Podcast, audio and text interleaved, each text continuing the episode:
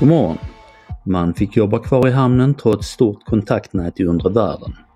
Kol och cocktailgruppen köper Pålsjö krog och stor guldskatt återlämnad till Ukraina och inte Krim.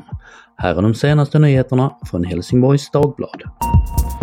En hamnarbetare i Helsingborgs hamn har fått ha kvar sitt arbete på en känslig post trots att han mycket länge har haft ett stort kontaktnät inom den organiserade brottsligheten. Det har länge bekymrat Tullverket. Nu sitter mannen häktad misstänkt bland annat för stämpling till smuggling sommaren 2020 och medhjälp till smuggling av ett mycket stort parti hösten 2022. Tulltjänstemän som HD har talat med berättar att de inte har kunnat lita på någon i hamnen de senaste åren. Samtidigt är de beroende av hamnarbetarnas hjälp för att kunna hämta och kontrollera containers.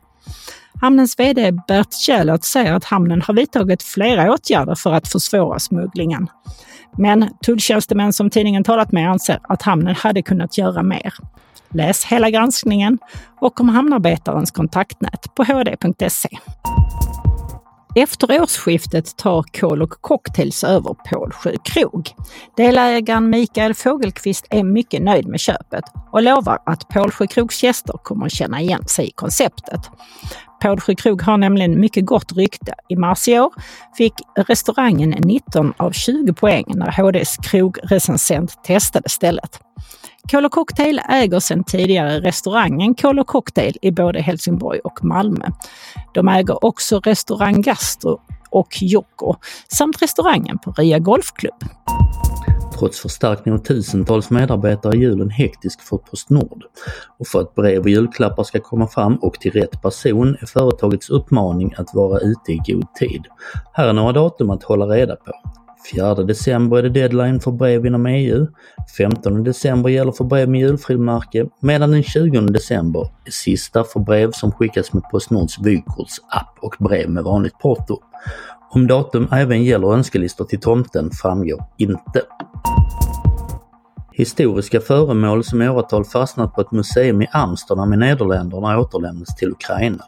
Föremålen med bland annat en hjälm i massivt guld som daterats till 400-talet före Kristus lånades ut till Allard Pearson-museet i Amsterdam från museer på Krim strax innan Rysslands annektering av halvön 2014. Sedan dess har både museerna på Krim samt Ukrainas regering krävt att få tillbaka föremålen. Högsta domstolen i Nederländerna beslutade i somras att föremålen är en del av Ukrainas kulturarv och hör hemma där. Därför har nu föremålen återlämnats till Ukrainas huvudstad Kiev. En stor historisk seger, säger Ukrainas kulturminister. Vädret. Det blir kyligt även idag. Nu på morgonen väntas temperaturen ligga på minus 7 grader. Den kan krypa upp till minus 4 mitt på dagen och sen ligger den kvar på 4-5 minusgrader. Det blir en halvklar dag så solen kommer kunna kika fram. Vinden blir svag och vrider från nordlig till ostlig. Det var allt från Helsingborgs Dagblad den här morgonen. I studion Thomas Nilsson och Yvonne Johansson. Läs mer på hd.se. Vi hörs!